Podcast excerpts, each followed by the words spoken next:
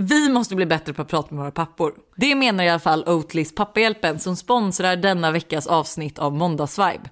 Och där kommer alltså våra pappor gästa oss i studion. Det känns ju orimligt faktiskt att 63% av alla svenska män i åldern 45 till 65 inte bryr sig om sin mats klimatutsläpp. Därför behöver vi peppa våra pappor där ute. Så det är lite därför vi i veckans avsnitt har bjudit in våra egna pappor. Kanske inte direkt för att prata just om mjölk eller klimatkriser eller Oatly, för det kan ju bli lite tråkigt. Utan vi tänker att vi kör på med podden som vanligt, fast med våra papper. Alltså kan vi på det sättet kanske inspirera till samtal mellan generationerna. För det är väl just i det samtalet som all förändring kan ske, eller hur? Oatly ville förresten att vi skulle kalla det här avsnittet för växtbaserad propaganda. Så då gör vi det. Veckans måndagsvibe är växtbaserad propaganda i opinionsbildande samarbete med Oatly och deras kampanj Pappahjälpen. Välkomna till studion. Det är, jag sitter här med min pappa och Hannas pappa. Ska min pappa säga hej? Hej hej. Och vem är du? Jag är din pappa. Ja, men säg vad du heter. Jag, jag, jag heter Johan och samma efternamn som dig. Och så har vi Hannas pappa. Ja hejsan, jag heter Jonny Friberg. Och är Hannas pappa. Ja, och så har vi Hanna här också. Jag är också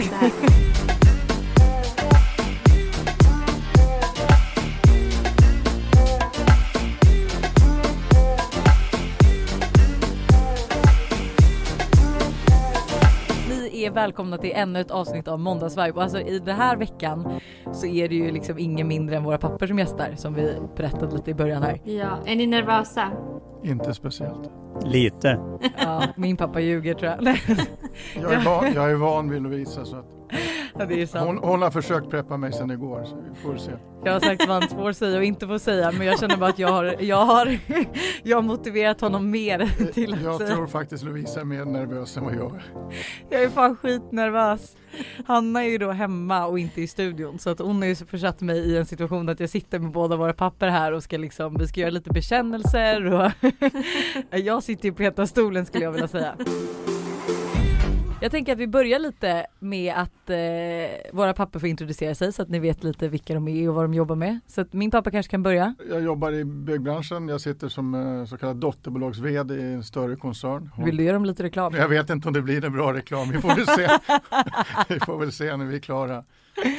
Och Jonny, vad jobbar du med? Nej, Jag jobbar med eh, skogsbruk så att jag är jägmästare, jobbar på Sveaskog och eh, har förmånen att jobba i, i liksom en eh, förnyelsebar, klimatsmart industri kan man säga. Det här samlar han pluspoäng, hörde ja, du det ja, Hanna? ja, jag hörde det. Oj, Han- oj, oj!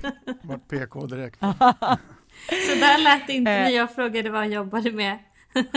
Nej, och när jag har frågat dig, alltså du har ju sagt att ditt första jobb var i en skog. Är det din pappas skog då? Eller vad menar du? Ja, nej men alltså jag var ju eh, brand, jobbade, vi hjälpte pappa och lite med så här, hålla koll på så att det inte skulle börja brinna i liksom skog där det redan hade brunnit. Så det var ju med pappa såklart.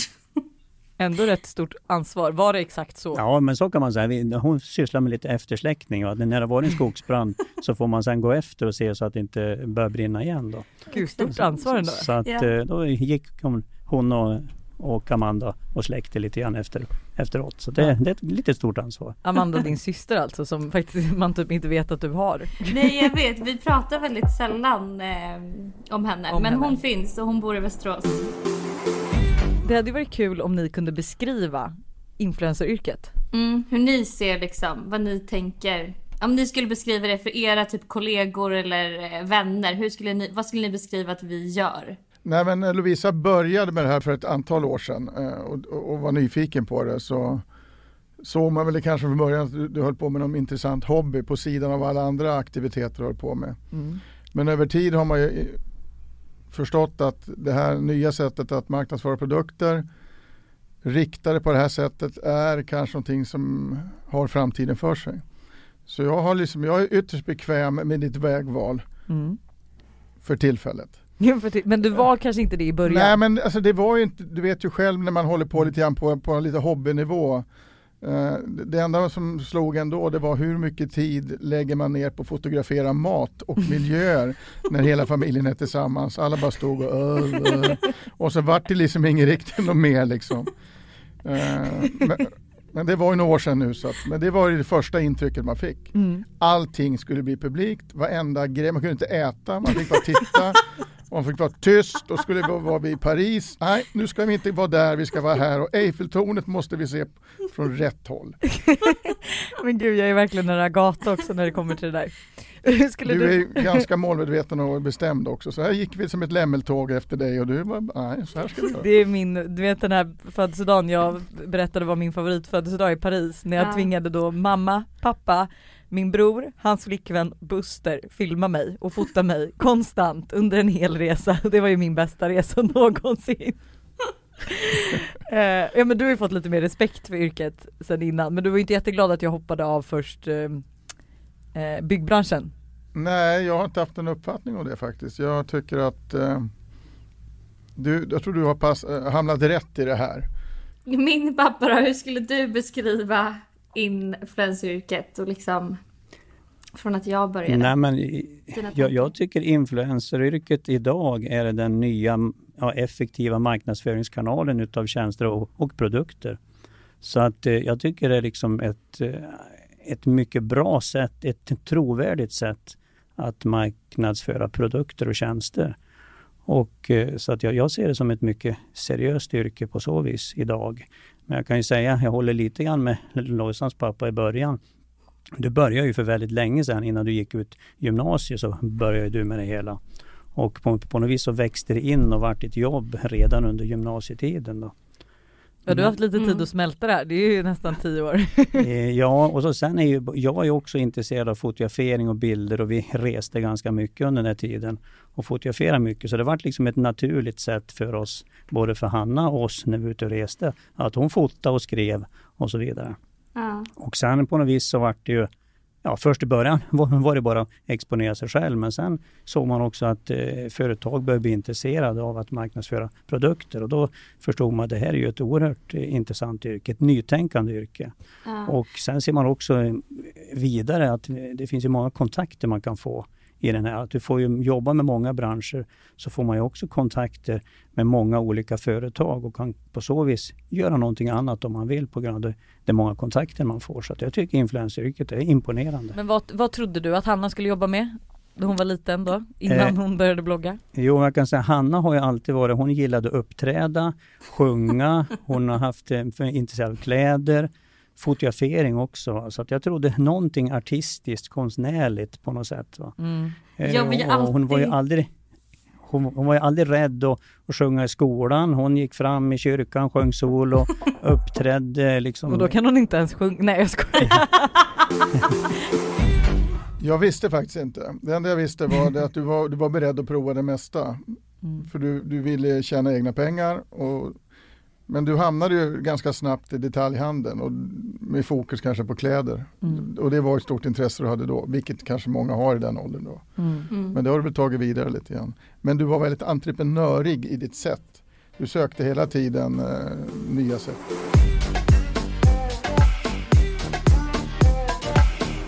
Men okej, okay, jag tänker mm, våra uppväxter Lojsan, alltså vi har ju ändå lite samma uppväxt när vi har pratat med varandra. Alltså vi har haft ganska stränga äh, föräldrar. Alltså våra föräldrar var ju typ de strängaste gänget. Vi hade liksom tidigast eh, tider när vi skulle vara hemma på kvällarna och vi fick inte göra si och så. Och det var liksom så att jag undrar så här till våra pappor, typ, varför valde ni den strategin? Nu har du bestämt hur det var, att vi var strängast. Men ni var det? alltså vi har diskuterat det här, ni var nej, väldigt nej. stränga. Nej, nej, det, det stämmer Frågan inte. ni kan ställa varför har det gått så bra för er tjejer? Det är väl snarare det. Nej, utan så upplever inte, ja i och för sig, det, det är inte vad vi upplever och vad vi har gjort i alla fall, som jag, som jag känner. Jag skulle inte säga att det var på ett dåligt sätt, men, alltså så här, men alltså av, av eh, liksom ens vänner som man hade så, var, så hade ju jag ändå de strängaste föräldrarna med mest regler. Ja, jag, jag med. Men, jag med. Men det, men det är ju så här, och det var ju mitt bekymmer när Lovisa var som vildast i tonårstiden. Då insåg jag att det är ju hennes kompisars föräldrars normer som sätter spår och, eh, mm. och det var ju det man fick slog, slogs emot lite grann. Precis. Att, precis. Eh, det, går en, det går en viss period och sen var det ju, vart den här pressen. De får göra det, de får göra det. Mm. mm. Och du fick inte, men du, jag har ju hört nu på podden att du smet ju ut över garagetak Jag vågar inte ens kolla på pappa när han säger det. Nej, jag tycker faktiskt, men ska jag vara seriös, jag tycker inte vi har varit stränga. Jag tycker vi har satt en, en ganska bra Alltså i efterhand Norm. kan jag ju säga att jag behövde ju, jag anser att ni har varit jätte, jättestränga. Men jag förstår ju också att jag behövde det. För att hade ni lätt låtit mig göra allt det mina kompisar hade gjort så hade jag hade inte varit den jag är idag och det hade nog, jag hade nog valt en helt annan väg. Jag tror att för många är det här problem dagligen. Liksom, var sätter man gränser när man pratar och sådär. Och, ja, och så säger du, jag tror det var bra att ni var stränga, men du kanske inte var stränga. Vi kanske var helt enkelt normala föräldrar som tog hand om er, er under er uppväxt. Ja, sen ser jag så här, man, man är adaptiv. Man måste ju se vad, vad behövs det? Det, det? det känner ju vi föräldrar. Vad behöver vi för att eh, få Hanna på rätt väg eller Lovisa på rätt väg, som vi tror vi behöver vara. Va? Men jag gör precis som, som, han sa, som eh, Johan sa, att, att eh, det var andras föräldranormer som var alldeles för släpphänta. Helt klart. Jag, jag, jag kommer ihåg, jo, jo, men jag, jag kommer ihåg en, i sådana episoder bland annat. Hos oss, det fick man inte chips och godis när man kom på besök utan hos oss fick man frukt och sådana saker på, på kvällarna och sånt där. Och det tyckte våra tjejer var jättehemskt. För att när man var hos andra kompisar då fick man äta chips och godis. Mm. Ja, den gränsen hade inte vi. Nej, nej vi, vi var rätt fria när det gällde mat men jag vet att det var så här, ja, men jag fick alltid ringa och fråga om jag fick gå på den här festen, fick jag ett nej, ja men då var hela min eh, kompiskrets tvungen att stanna Ja. hemma. Det är inte lätt att, att, att, att sätta de här gränserna som förälder heller. Jag tror, jag tror snarare så att vissa andra föräldrar orkade inte. De, de prioriterade sig själv och sen tyckte de att gömde de sig bakom att ja, men så här är det, så här gör ju ungdomen idag. Man åker till Sollentuna på fest när man är 12 år liksom och kommer hem fyra på morgonen. Så Mm. funkar det inte. Nej. Så då har vi bestämt det. Vi var inte stränga, vi var Nej. bara duktiga. Absolut. Ja, vad är den bästa versus sämsta egenskapen hos Hanna? Ja, men ofta är det så här att det är ens fördelar och också ens nackdelar. Så att jag skulle säga att den, den bästa egenskapen hos Hanna är det att hon vill väl. Hon är oerhört eh, snäll, hon vill ställa upp för alla. Hon blir mycket glad av att göra andra glada. Det är en sak som jag upplever. Men det är också hennes nackdel lite grann. För att hon är, då, då är det så att hon, hon väljer ibland att ställa upp mer för att hjälpa andra och glädja andra än att tänka lite mer på sig själv.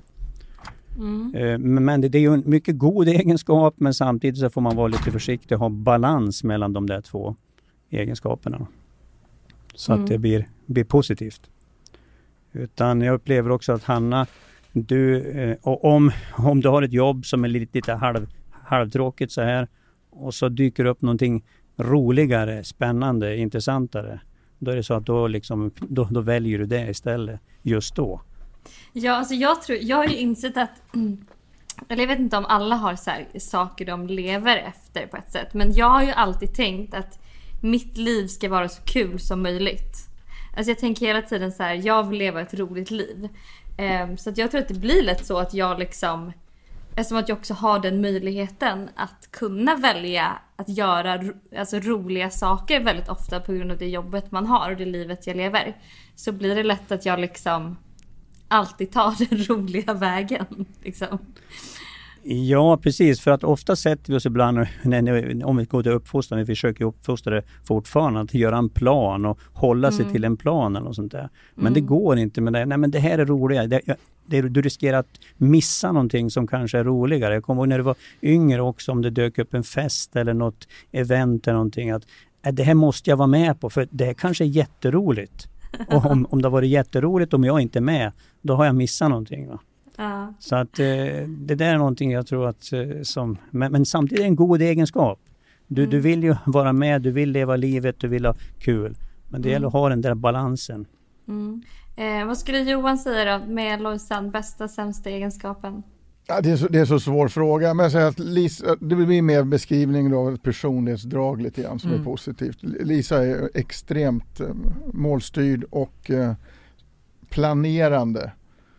Eh, och på så sätt så, så prickar hon ju av och sen så blir hon nöjd när hon har uppnått de målen. Då så. Och sen är ju inte, ser inte livet ut så alla gånger.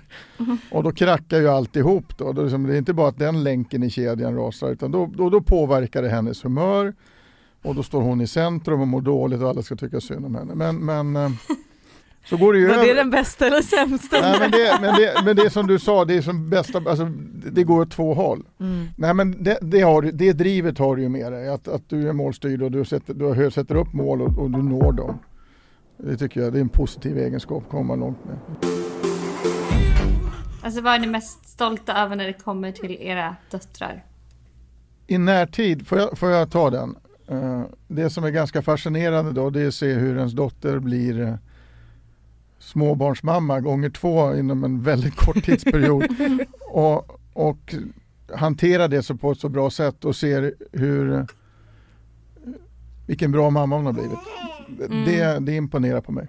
Okej Jonny, vad är Hannas bäst, eller vad är du stoltast över? Mm, nej men det, det är ju liksom den, den resa hon har gjort tycker jag som är bra. Att imponera, att, eh, att börja från exakt noll när hon var 12-14 år där och sen liksom jobba upp det och vara först, nästan en av de första influencervärlden kan man säga. Att eh, från noll och ingenting och bygga upp det hela på, på den tiden. Och att hela tiden jobba och lägga ut varje dag hela tiden. Det tycker jag är oerhört imponerande att kunna vara så energisk och konsekvent. Att mm fylla med material och sen tycker jag också duktig att skriva, duktig att fota, duktig med, med stil och eh, design. Och eh, sen, sen jobba upp då eh, kontakter, förhandlingar med företag och allting och i princip gjort det själv. Det, nej, mycket imponerad. Alltså Hanna, tänk på det, du har fan varit aktuell i tio år. Är det inte dags att ge bort det nu?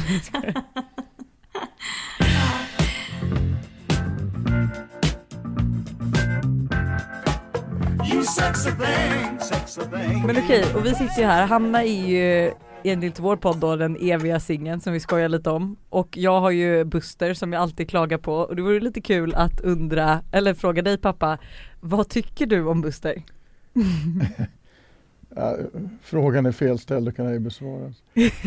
nej, nej men det, nej, så här är det Lisa, den du väljer som din livskamrat den har jag största respekt för. Om vi börjar där. Sen är Buster en, en riktigt bra kar. Mm. Han är en doer, han, han har humor, och han levererar. Men i huvudsak så är det ditt beslut vem, vem du väljer att leva med. Att, Men ni klickar ju, alltså ja, ni, du och... Ja, ja, det kan ju vara en fördel då, men alltså, man blir ju lite part i målet. Det viktigaste är att du har det bra. Och det har jag. Mm, jag vet det och då blir man ju ganska nöjd. Ja. Man brukar ju säga att eh, ens, eh, vad säger man, att liksom ens partner är lik ens pappa. Men jag vet inte. jag undrar till, till min pappa då hur han, eller hur du tycker att min perfekta framtida partner ser ut. Ja, det var faktiskt nästan svaret på den frågan du gav. utan, utan i och för sig så ser man så här, en, en partner ska ju vara gärna, gärna ett komplement för man är ju som ett lag. Så ser jag mm. lite grann. Det ideala, nu pratar man ideala bilden kanske. Men eh, att man, man, kompletterar varann. Så jag, jag, tror du behöver en som mig faktiskt, någon liknande som är lite, mycket, lite praktiskt lagd, eh, styr upp saker och ting, får få saker att hända, det är ordning och reda på något sätt. Men ja. eh, samtidigt så är det, säger jag precis som Johan säger om, om, om det att det är du som ska välja vilken partner du har, du, du ska välja vem det är så att jag kommer att stötta allt som ditt beslut är. Va? Finns det någon som du känner så här, det här vill jag inte att du kommer hem liksom med och presenterar? Ja, alltså du hade ju en i Söderköping, det var ju liksom inte så så, så rätt va? Vilken känga! är inte det din enda pojkvän undrar jag? Jo, det är den enda jag har presenterat. Då vet alla Först. vem det är. Ja. Speaking av eh, killar. Varför, alltså varför tror ni att eh, just äldre män har så svårt att ändra sitt beteende när det kommer till typ så här, hållbarhet och miljön och liksom det här Va? tänket. Varför är det så mycket svårare att ändra liksom en eh, äldre mans eh, perspektiv och tankar än vad det kanske är eh, med en kvinna? En viss klokhet kommer med ålder. Ja men du sa ju någonting väldigt bra igår som jag delvis håller med om, för vi diskuterade det här. Mm. Eh, varpå pappa, liksom, alltså absolut att jag tror att delvis är ju, stämmer det att äldre män har svårt att anpassa sig till klimatet, men mm. eh, vi unga är väldigt snabba på att tro saker och ting utan, utan underlag. Mm. De äldre männen är ju lite mer, det tar ett tag att övertala er, man behöver mer än liksom en fakta. Ja, Eller? jag förstår. Jo, men det är, väl, det, det är väl ganska naturligt. Att, det är väl tur att det är så.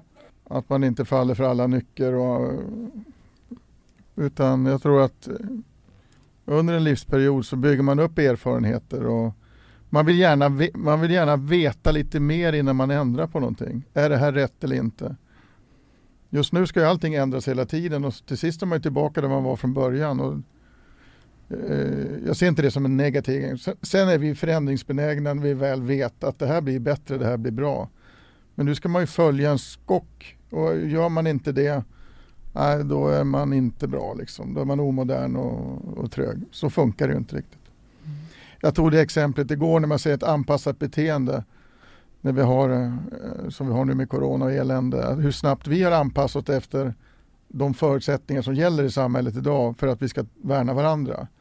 Men då är det tydligen någonting som inte alla bör göra. Då är det en viss generation som tycker att det där är onödigt för det drabbar inte mig och det, det är överdrivet. Mm. Så vi anpassar oss när vi anser att det, Det behövs. när det behövs. Och kan göra det ganska snabbt också. Vad tror du Jonny? Varför har äldre män svårt att anpassa sig? Alltså svårt att anpassa sig. Det- Jag, jag vet inte om det är rätt påstående egentligen. Det beror på vad man menar vad man anpassar sig. Det är precis som Johan är inne på.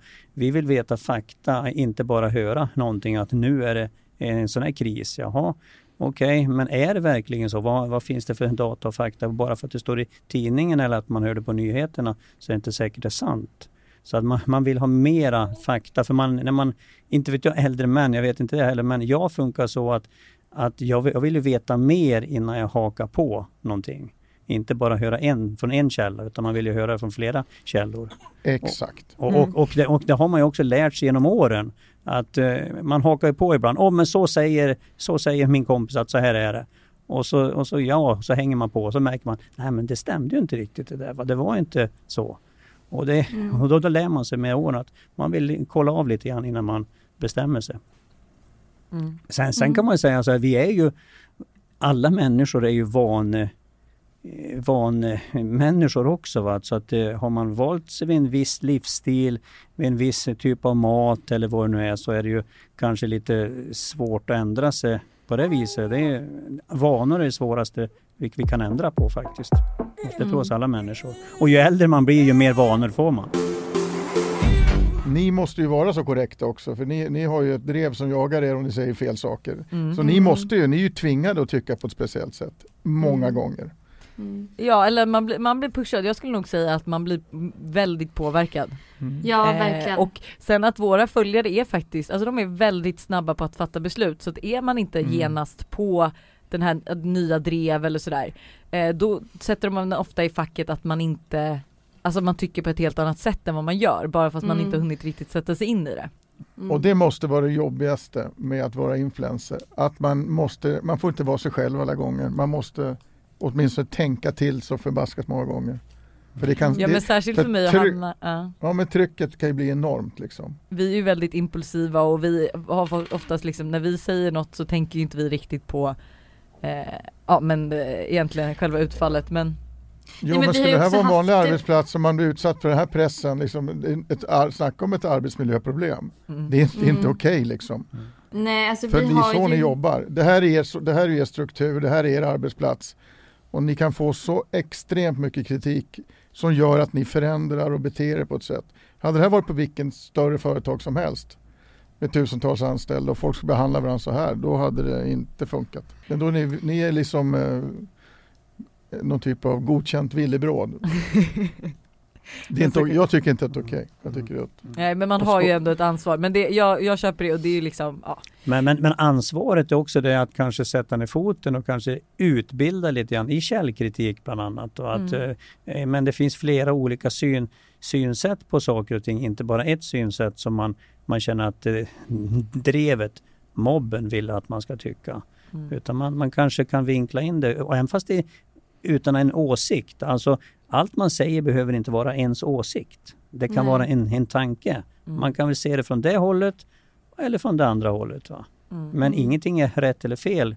Sen kan man bara diskutera frågan och det tycker jag är lite svårt idag att man kan ju fundera på, men om det är så här istället, skulle det vara möjligt? Nej, nej, det får man inte ens nämna. Mm, jag håller med där. Utan du får inte ens nämna det och det, det är lite farligt för man kan ändå diskutera någonting men det innebär inte att man tycker så. Jag har sagt många gånger så. till Hanna att vi blir tvingade att tycka på ett visst sätt men, och att vi inte får uttala oss fel. Men jag har sagt det, alltså förstå vikten i att vi får uttala oss fel för att man ska kunna öppna till en diskussion och eventuellt ändra vår åsikt. För det är ju det som oftast händer att man äh, möter många som jag kan kalla two-faced, att de tycker på ett sätt eh, publikt och sen när man pratar med dem så har de inte alls den eh, då tycker de inte samma sak. Mm. Och där är ju så här, hade man kunnat vara mer öppen med vad man tyckte och kände och så, då hade man kanske kunnat öppna till mer diskussioner och kanske ändra folks åsikter då Mm. eller liksom få in lite andra Mm. synvinklar. Men den toleransen finns ju inte i den här digitala världen och det är så lätt att bara sitta anonymt och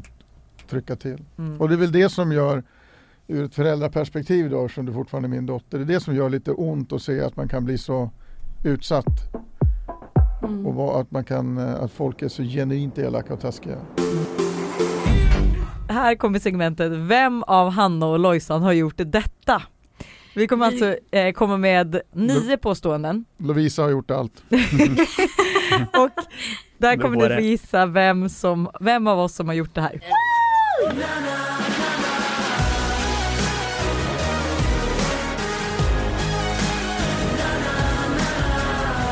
Vem av Hanna och Lojsan har smugit ut mitt i natten för att gå på fest för att killen man var kär i var där?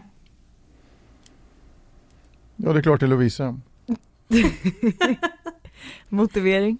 Ja, det var så lätt att ta sig ut. Du var ju målstyrd där. Okej, här har vi ett fönster, garagetak, stegen ner, klart. Ja. Vad tror Pappa, du? tror du att jag har Ja. smugit ut någon gång? Nej, jag har smugit ut någon gång kanske har gjort, men nej, nej, det tror jag inte. Jag tror det är Lovisa som har gjort det.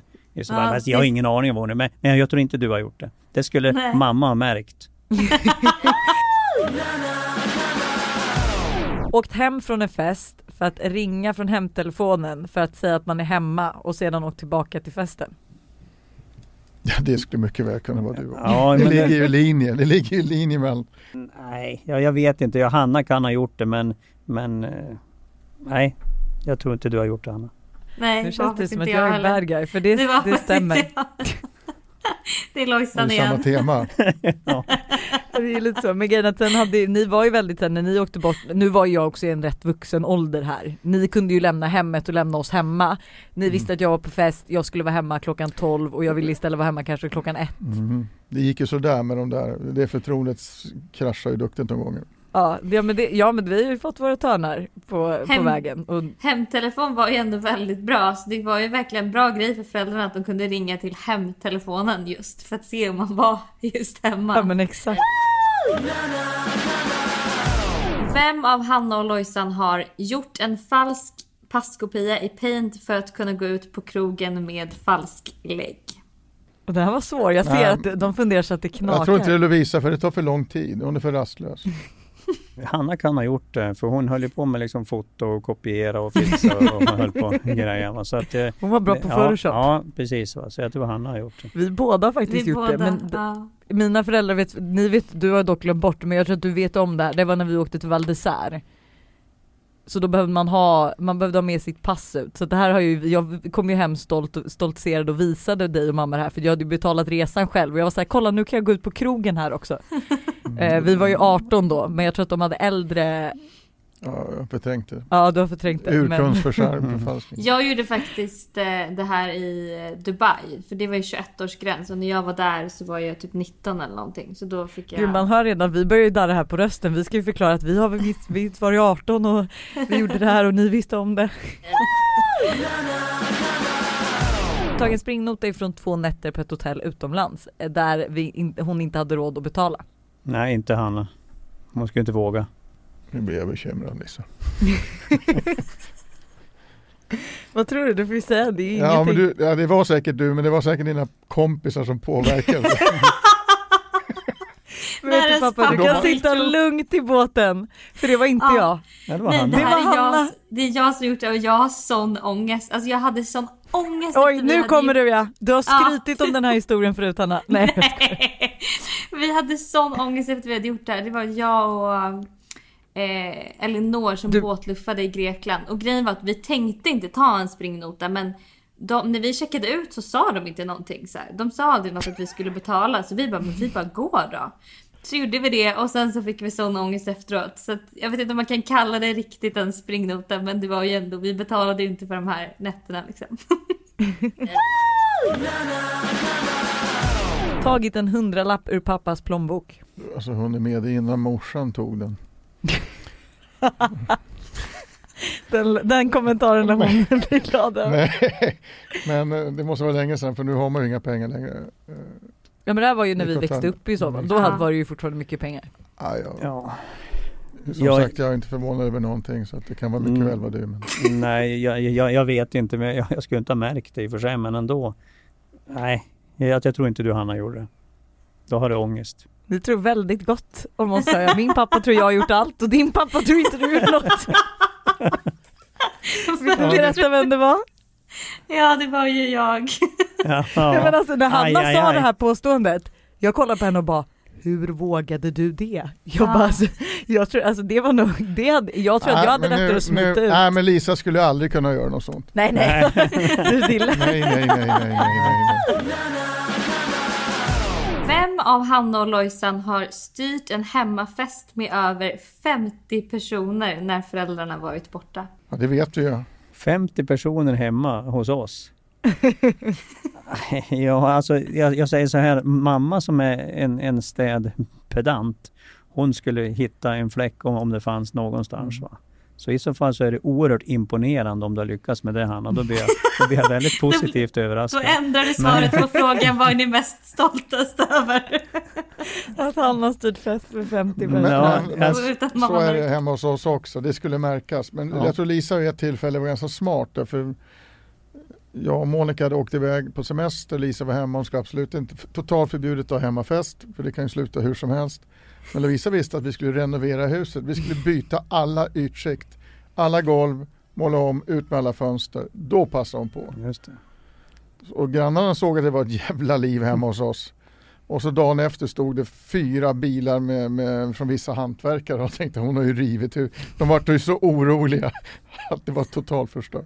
Och ändå vill jag påpeka att ingen polis har kommit på mina fester, men varenda gång du och mamma haft fest, då jävlar har de dykt upp. Inte Så varenda så gång, inte varenda gång kanske, men jag hade, vi har ju väldigt eh, trevliga grannar. Men de kanske inte... men men eh, Vi hänger ut dem med. det var väl någon 50-årsfest och kanske någon student, om inte det var din då kanske. Ja men vi hade ju lämnat när polisen kom. Ja. Det var bara du och mamma och festen kvar.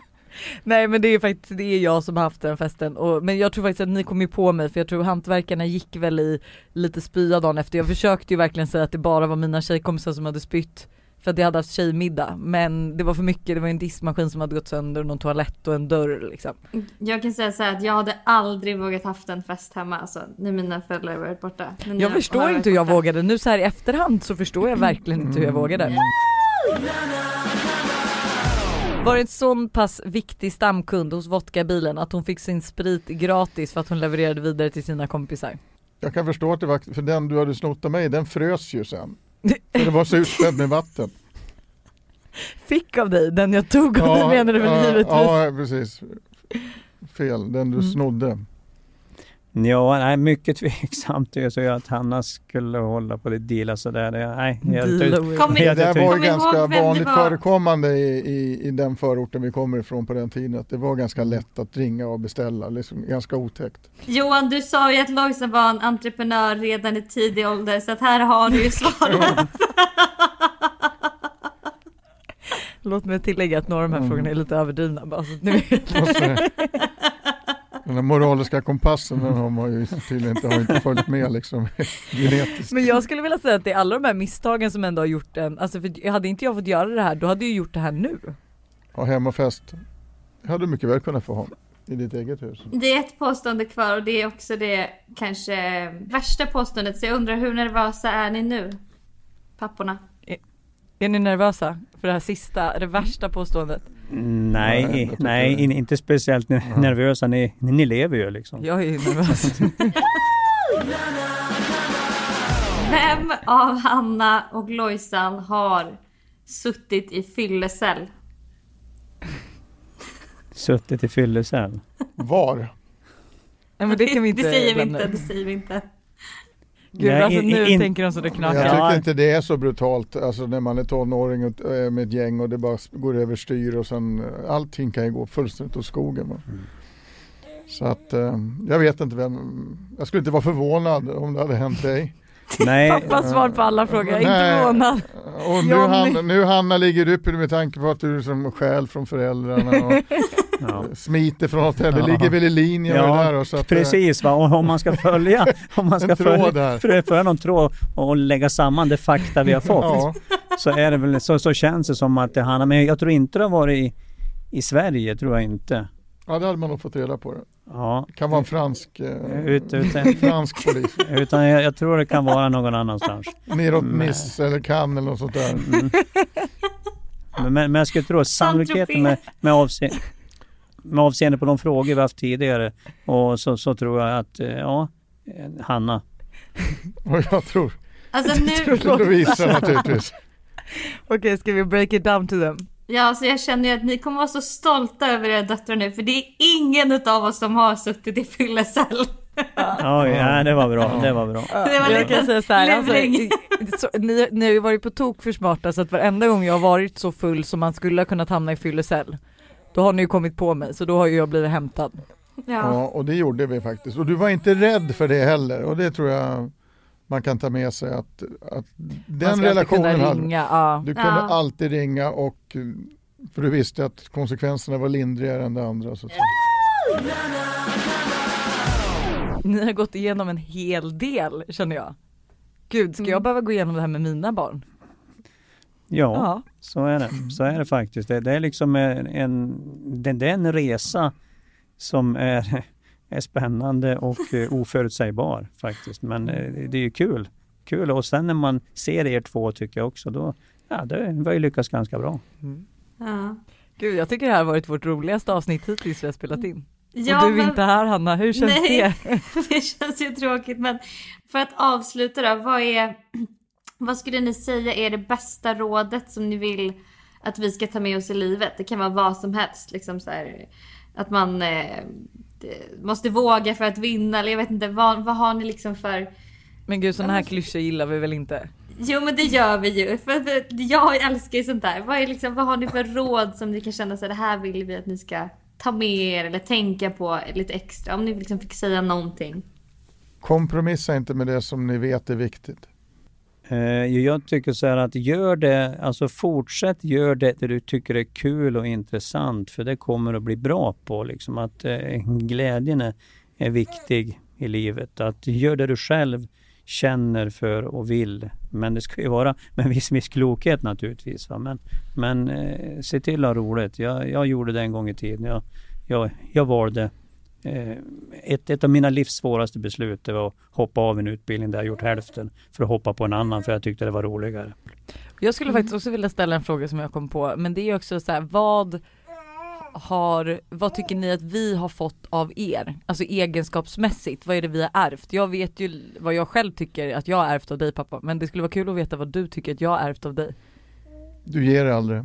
Nej. Och det kan gå överstyr, man blir totalt målstyrd. Nej men det, det är väl lite grann det här göra det som är, vara spontan tror jag. Att eh, hela tiden ha nya idéer på gång och, och eh, få idéer och inspiration, hitta på nya saker. Och Mm. se möjligheter.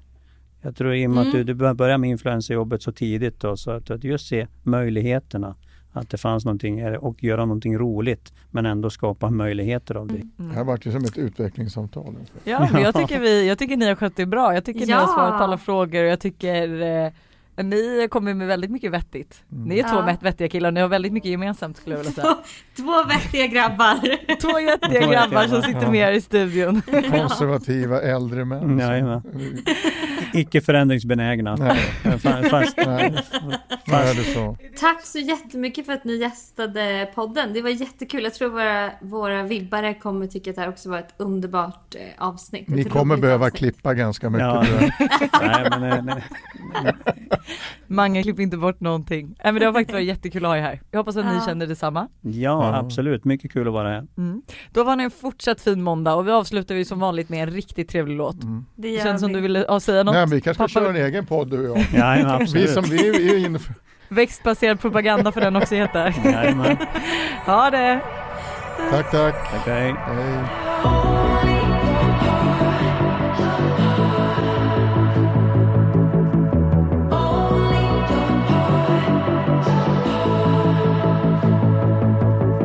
The first time we met, the first time together.